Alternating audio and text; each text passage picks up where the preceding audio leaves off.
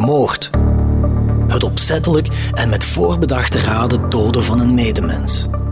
Het is het zwaarste misdrijf dat iemand kan begaan. We zijn er op een akelige manier door gefascineerd. Hoeveel romans, films en andere verhalen behandelen dit duistere thema?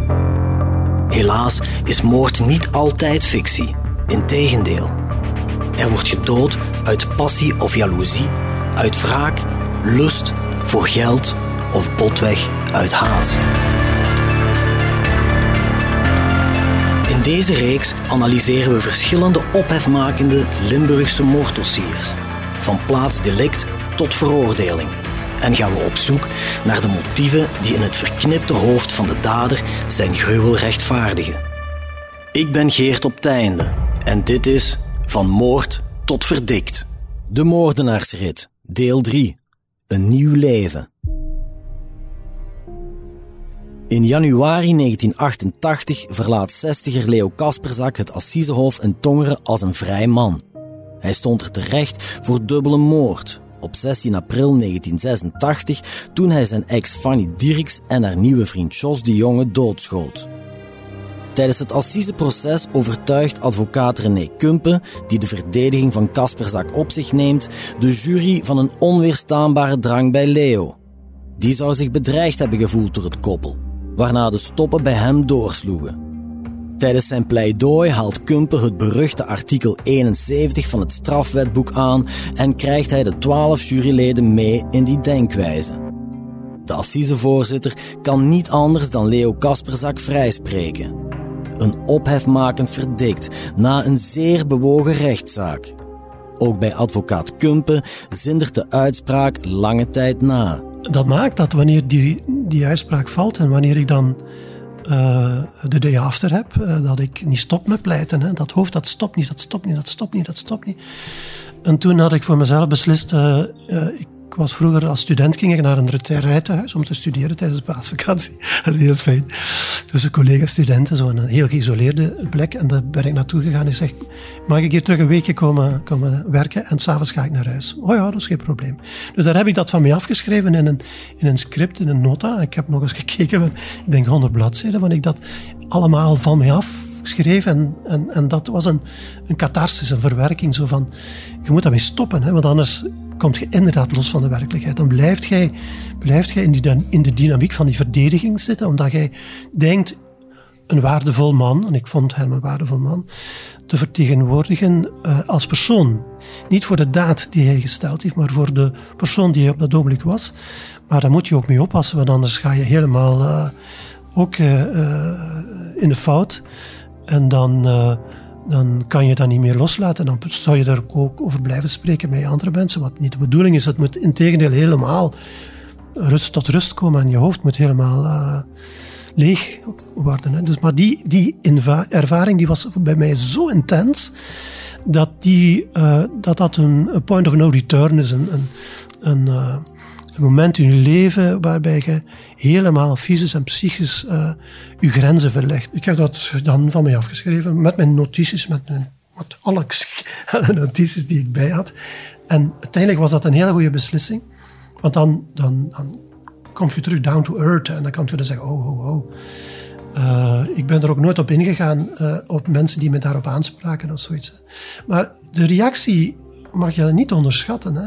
Want zelfs in de in de klas van mijn kinderen waren er ouders die tegen hun kinderen zeiden van, dat je daar niet trots op mag zijn. Dat iemand in staat is om iemand anders vrij te pleiten voor een moord. En dan, ja, dan, dan ga je wel even nadenken en dan zeggen, wow, wow, wow. Uh, daar wordt over gesproken en er wordt tussen kinderen over gesproken. Hè. Hier is, iedereen is graag vier, vier over zijn papa, bij wijze van spreken. Hè. Maar dat mocht niet. Hè, want, dus daar is heel veel controverse in. Meester Kumpen beseft maar al te goed dat hij een man vrij kreeg, nochtans in de wetenschap dat hij twee mensen doodde. De advocaat begrijpt dan ook dat hij en zelfs zijn kinderen door bepaalde mensen worden geviseerd. Maar hij niet alleen, vertelt hij, want ook de Tongerse jury krijgt het hard te verduren in de nasleep van het proces. Als je als jurylid voor die verantwoordelijkheid staat, dat is echt, echt geen cadeau. Hè? Want die komen ook thuis. Hè? En die gaan ook naar de winkel. Die gaan zeggen, zeg idioot. Ik weet dat jij dat gezegd hebt. Je foto stond in de krant. Hè? Ik weet niet of men dat nu nog doet, maar de foto's van de juryleden die werden gewoon afgedrukt. Hè? Dit is de jury. Dus die mensen kwamen ah en ja, die waren daar fier over. Dat mag, in de zin dat ze een, een verantwoordelijkheid opnemen die al, al, zwaar is. Maar die mensen werden vaak beladen met... Ga zet wel niet goed wijzen, man. Wat heb je daar gedaan? En dus het mee, mee uitdragen van uh, de tragiek van een, uh, een, een, destructieve relatie, die soms tot dergelijke uitspraken kan leiden, dat is de taak van iedereen, denk ik. Ja. Het enige wat uh, passend is, is menselijkheid en tonen dat menselijkheid aanwezig is. En dat een vrijspraak op bepaald ogenblik een, een onmogelijke, maar menselijke uitspraak kan zijn. Wanneer men vindt dat iemand niet hoort te sterven in de gevangenis. Wanneer hij een leven geleid heeft dat eigenlijk door vele getuigen en door iedereen die daar, die daar kwam, eigenlijk een, een, mooi, een ethisch leven was. Die eigenlijk altijd uh, zich heeft laten leiden door angst en, en, en heel zwak man was. Ja, wat moet je daar nou mee doen? Dat is een heel, heel zwaar moreel dilemma. Meester Kumpen stelt dat we moeten nadenken over hoe we mensen die een zware misstap in het leven begaan willen behandelen. Hij zelf heeft daar alvast een zeer duidelijke mening over. De realiteit is ook dat uh, daders onder ons zijn. Dat moet men ook durven, durven uh, durven zeggen. Op was ik met een van mijn kinderen in auto aan het rijden. Ik bracht die naar, het, uh, naar de school en ik, en ik zeg: Kijk, kijk, kijk, ziet je, ziet je die man? Ja, ja. Uh, ik zeg: Ziet je iets aan die man? Ja, nee, nee, ik zie niks aan die man. Ik zeg: Ja, ik heb die man verdedigd. Die man heeft een vrouw vermoord. Dat ziet je toch niet? Ja, natuurlijk ziet je dat niet. En natuurlijk komen die mensen en zeker in, in, in, relatie doorgaan, ooit terug in de samenleving. En natuurlijk, ze leven die onder ons. Dus iemand die uh, van oordeel is dat die monsters geen plek in de samenleving uh, verdienen, ja, die zal toch eens goed moeten nadenken in welke samenleving dat hij leeft, nu en in welke samenleving dat hij wil leven. Wij moeten ons bewust zijn dat het boze en het kwade in ieder van ons in potentie aanwezig is.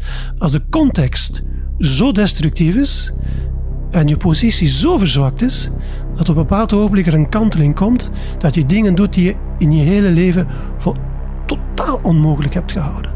De levensles die ik daaruit heb mogen te puren of daar heb mogen uit te halen, is dat uh, de kwetsbaarheid van de mensen, dat de kwetsbaarheid van de relaties dermate uh, groot kan zijn en dat we daar heel veel aandacht moeten voor hebben. Maar er is, er is heel veel tragiek onder in onze samenleving en er is heel veel fout. En, en ook die foute mensen verdienen een kans. Uh, alleen de kans die Leon Kasperzak gekregen heeft, was dermate tegenstrijdig aan de daad die had gesteld, dat dat natuurlijk op heel veel onbegrip uh, heeft gestoten.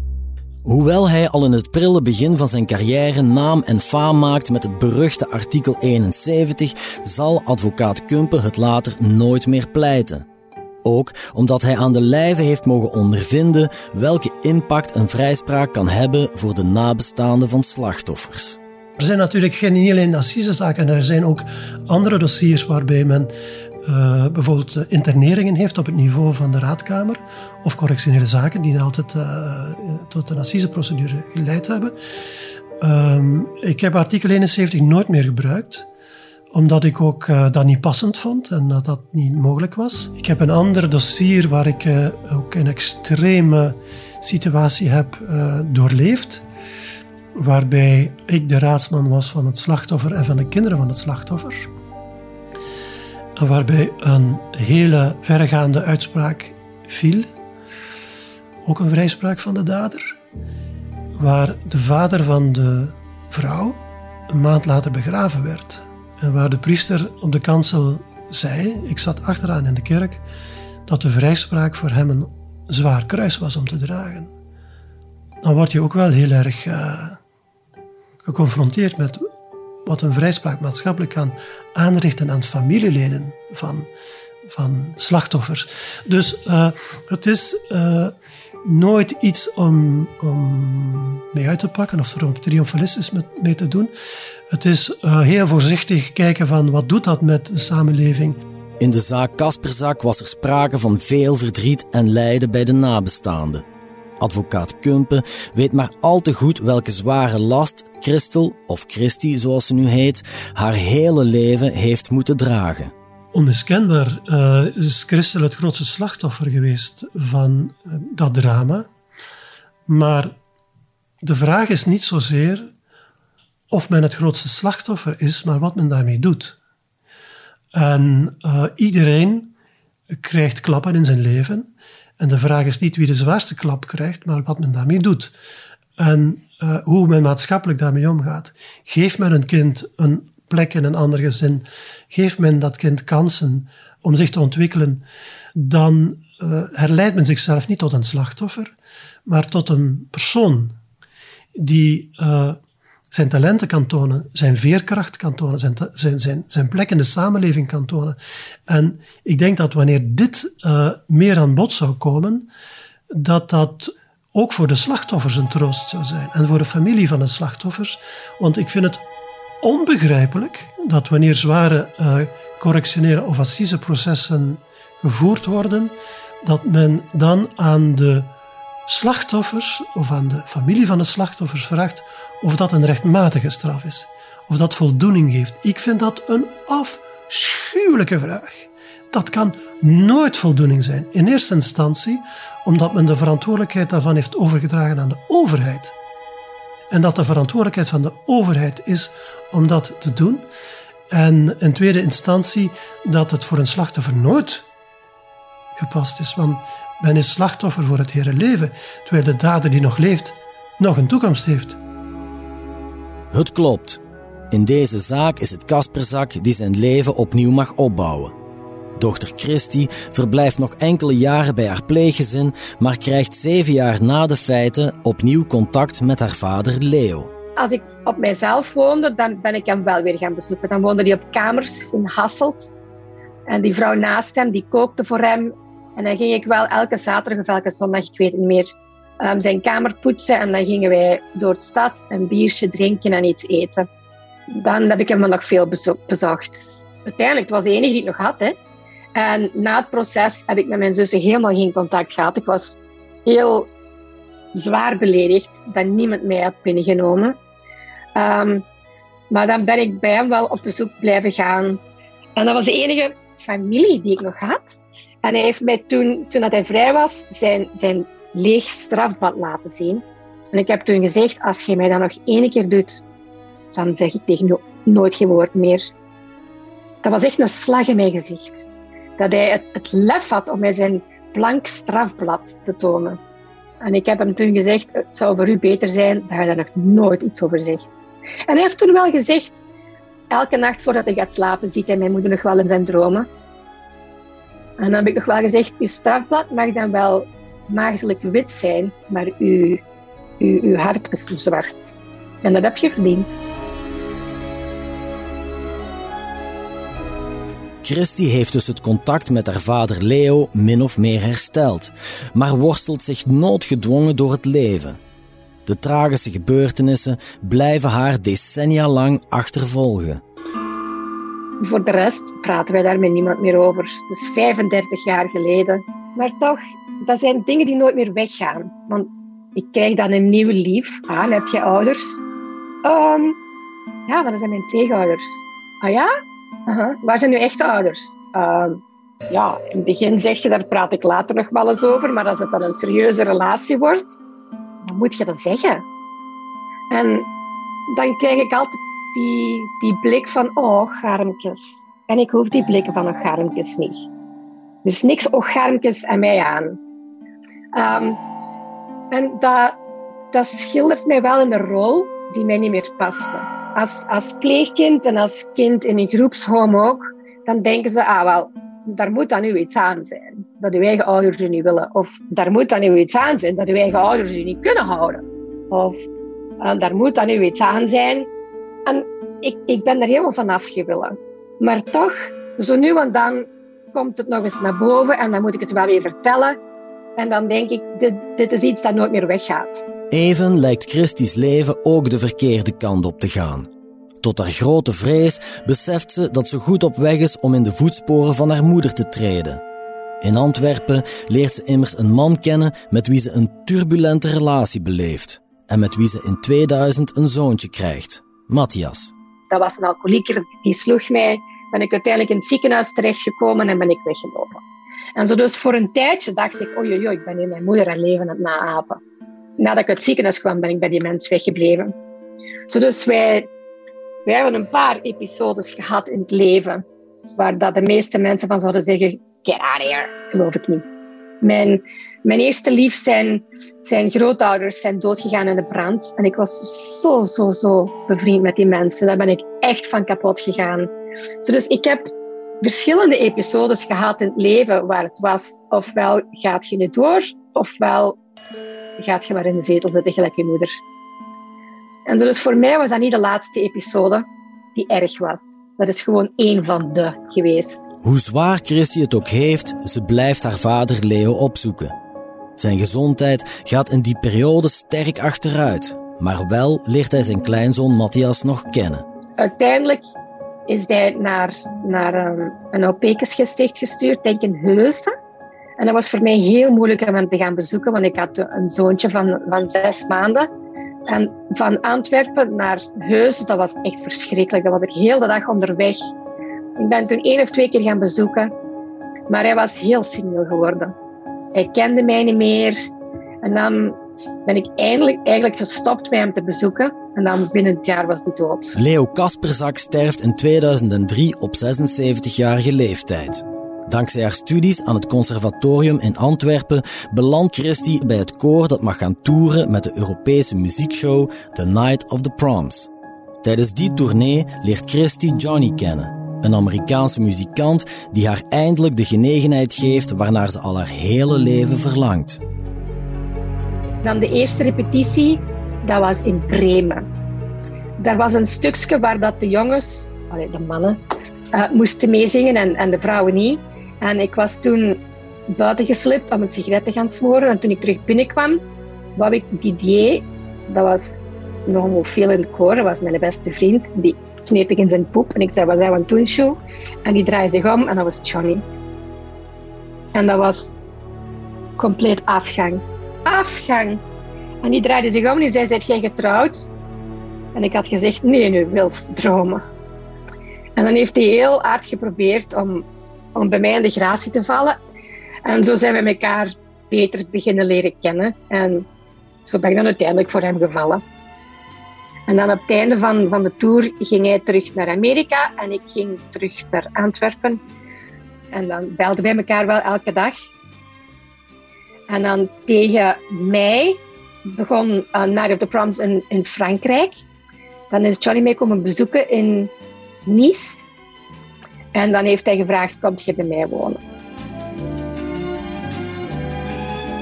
De maand daarna heb ik mij, mijn dozen ingepakt, die opgestuurd.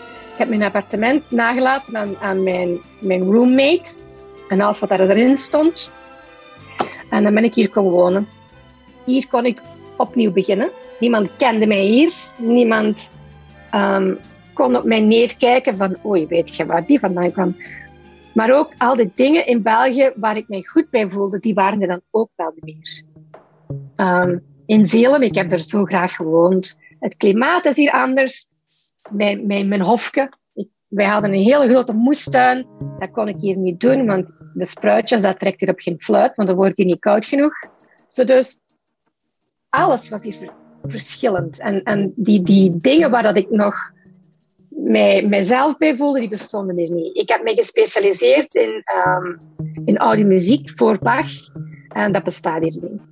Die klassieke muziek, dat is hier belachelijk. Dat trekt op niks. En ik miste op tour gaan en mijn vrienden en overal naartoe gaan en andere talen spreken. dus het, het heeft wel geholpen dat ik van iedereen weg was. Ik ben opnieuw kunnen beginnen, tabula rasa, maar toch de dingen waar ik mij aan groot gehouden heb, die waren ook wel weg. Vanaf 2004, het jaar nadat haar vader sterft, bouwt Christy dus een nieuw leven op in de Verenigde Staten. Ze kan haar tumultueuze verleden stilaan laten rusten. Maar het vergeten zal ze nooit kunnen, vertelt ze. Ik ben heel, heel lang in therapie geweest. Ik ben eigenlijk nog steeds in therapie. Eén keer per maand zie ik nog altijd wel de psychiater. Want ik heb heel lang gevoeld dat alles wat ik deed, dat was maar alsof. Um, en nu ben ik er eindelijk over geraakt, maar we zijn wel 35 jaar later. Nog steeds, als er iets plots gebeurt, dan ben ik helemaal van de kaart. En ik, ik kan dat nu allemaal wel een plaats geven. Ik versta hoe dat het gebeurd is, ook al keur ik het niet goed. Ik, ik heb van mijn leven nog wel iets kunnen maken dank, dankzij mijn pleegouders. Het zijn hen die mij um, laten zien hebben dat naar school gaan fijn is en dat ik niet stom was en dat ik dat allemaal wel kon. En mijn pleegzus die heeft mij geleerd hoe een mens te zijn. Mijn moeder die zou mij niet gesnapt hebben. En mijn vader um, met een muzikant trouwen. Ah ja, en hoe gaat je mijn dochter onderhouden? Nou, moet wel niet onderhouden worden, hè? Um, mijn vader zou wel fijn gevonden hebben dat Johnny ook muzikant is. Maar trots? Nee, eigenlijk niet. Ik ben echt een raar beest voor mijn familie. Ik, ik ben meer zoals mijn pleegfamilie. Die noodlottige 16 april 1986, die heel haar leven zou tekenen, zal blijvend op het netvlies van Christie gebrand staan. Maar de last die op haar schouders rust, voelt vandaag gelukkig een pak minder zwaar. Die rugzak, dat is eigenlijk veranderd in een toverzakje. Alle dingen die mij zijn aangedaan, die hebben mij gemotiveerd om het tegenovergestelde te doen. Ik denk er soms nog wel aan, like de 16e april. Dat is natuurlijk nog een geweldig grote dag. Maar voor de rest denk je daar niet meer zoveel aan. Ik zou wel graag opnieuw die zaak beleven, nu dat ik het overleefd heb. En gewoon de zaak meemaken, gelijk dan een andere mens die zaak heeft meegemaakt. Nu weet ik ook dat mijn moeder helemaal niet zo de kwade was die ze had laten uitschijnen. Um, zou ik graag meer weten over mijn moeder. Advocaat René Kumpen is aangenaam verrast wanneer Christy hem jaren na de feiten plots contacteert. Dat de vrouw uiteindelijk toch het geluk heeft kunnen vinden, schenkt hem erg veel voldoening. Zij nam contact met mij omdat ze zich die situatie en mijn tussenkomsten blijkbaar nog herinnerde. En dat ze een boodschap wou laten in de zin van: Het komt ooit goed. Zie maar, kijk eens, het is bij mij echt goed afgelopen. Ook wanneer zij uh, nadien nog hele moeilijke eh, fases in haar leven heeft gehad, ehm, vond ik dat een ongelooflijk uh, teken van veerkracht. En ik hoor net van u dat zij uh, zeven talen spreekt, dat zij uh, haar talenten tot ontwikkeling heeft gebracht, wat wellicht niet of moeilijk zou geslaagd kunnen zijn in, een, in, het gezin waar ze op dat ogenblik in functioneerde. Dus het, het zien van veerkracht bij mensen is een ongelooflijke, een ongelooflijke stimulans. Dit was het verhaal van een elfjarig meisje dat ondanks een ongelooflijk drama weer rechtveert en uiteindelijk op eigen kracht uit de greep van de vierde wereld ontsnapt. Een gigantische prestatie voor een meisje dat met eigen ogen zag hoe haar vader haar moeder doodschoot en daar niet voor werd veroordeeld. Ik dacht altijd, ik heb gewoon chance gehad. De jeugdrechter die kende mij al van toen ik nog een baby was. En die, die is naar mijn concert gekomen en die stuurde mijn kerstkaartjes. Dus er was altijd wel iemand die het helemaal had voor mij. En die voor mij uitkeek. En ik dacht, dat heeft mij erdoor gekregen. Maar uiteindelijk, door veel met mijn psychiater te praten, heeft hij gezegd: Jij hebt geen geluk gehad, jij hebt geluk gemaakt. Elke stap die jij voor de anderen hebt gezet, hebt jij je weg zelf gekozen. En voor mij is het een beetje van: ja, en? Dat zou toch iedereen gedaan hebben? Dus ik begin me nu een beetje aan te passen aan het feit dat, dat ik inderdaad mijzelf wel erdoor geslagen heb. En ik heb dat helemaal aan de muziek te danken. Ik, ik doe altijd meer. En dat, was, dat is wel mijn eigen motto geweest. Doe meer dan je moet doen en minder dan je moogt. Doordat ik uit de vierde wereld geraakt ben, ben ik er ook uitgebleven. Dat heeft mij gered. Christy is blij dat ze voor de eerste keer haar verhaal kan doen. Dat haar stem eindelijk gehoord wordt. en dat ze haar waarheid van wat er zich die noodlottige dag heeft afgespeeld kan navertellen door de ogen van de gelukkige vrouw die ze ondanks alles is geworden. Dit is de waarheid volgens mij. En wie daar niet tegen kan, ja. Van mij mag iedereen ook zeggen wat ze willen. Hè. Was mijn moeder de sociale, antisociale hoer? Fijn, dat was ze. Maar dat was niet alles. Ik heb door u eindelijk de kans gehad om mijn moeders verhaal te doen. Dat ik nu eindelijk heb mijn moeder een, een, een menselijk gezicht heb kunnen geven, dat was voor mij het allemaal waard. Ik ben heel dankbaar aan u om mij de kans te geven om te laten zien dat er een andere kant was.